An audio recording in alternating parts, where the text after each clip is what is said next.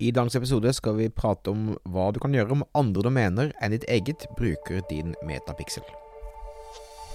Stadig flere små bedrifter i Norge oppdager at med riktig markedsføring kan man utfordre de store, tradisjonelle bedriftene.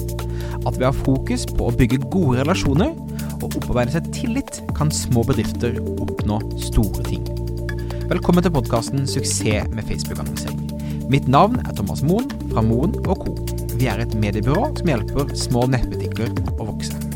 I denne podkasten kommer vi med ukentlige råd, tips og strategier som du kan implementere i din bedrift.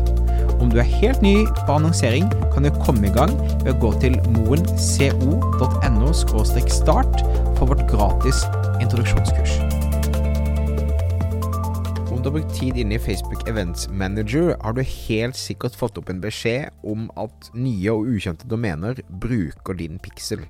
Altså at noen sender pikseldata. Noen har lagt inn din pixel på nettsiden sin, og sender da data inn til din pixel og din Meta Business Account.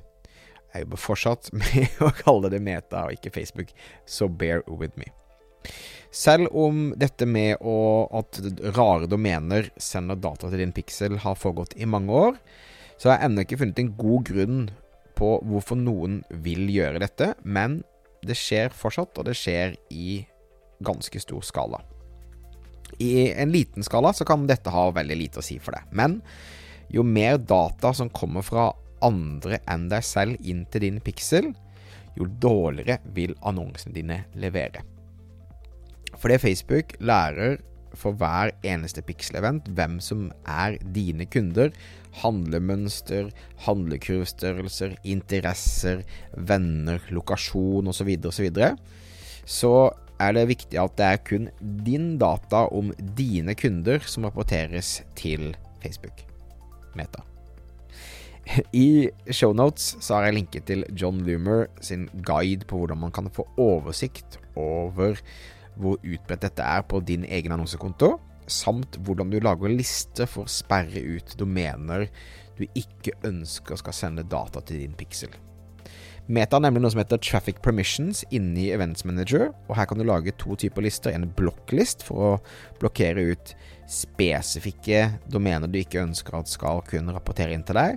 Eller om problemet er for omfattende, så kan du lage en allow-list istedenfor, hvor du legger inn eh, kun de domenene som skal få lov til å rapportere inn til din pixel. Så short and sweet denne uken her. Mitt tips til deg er å klikke deg inn på linken i shownotes, følg guiden til John Loomer, lag deg en allow-list. Det er good house cleaning når det gjelder annonsene dine. Eh, så dette tror jeg vil absolutt ha en positiv effekt hvis du tar deg noen minutter til å gjøre det. Lykke til. Og takk for at du lytta på. Om du ikke allerede gjør det, husk å abonnere i podkastappen din for å få med deg fremtidige episoder. Eh, er du en nettbutikk som trenger hjelp med å vokse, sjekk ut moen.no for masse goodies.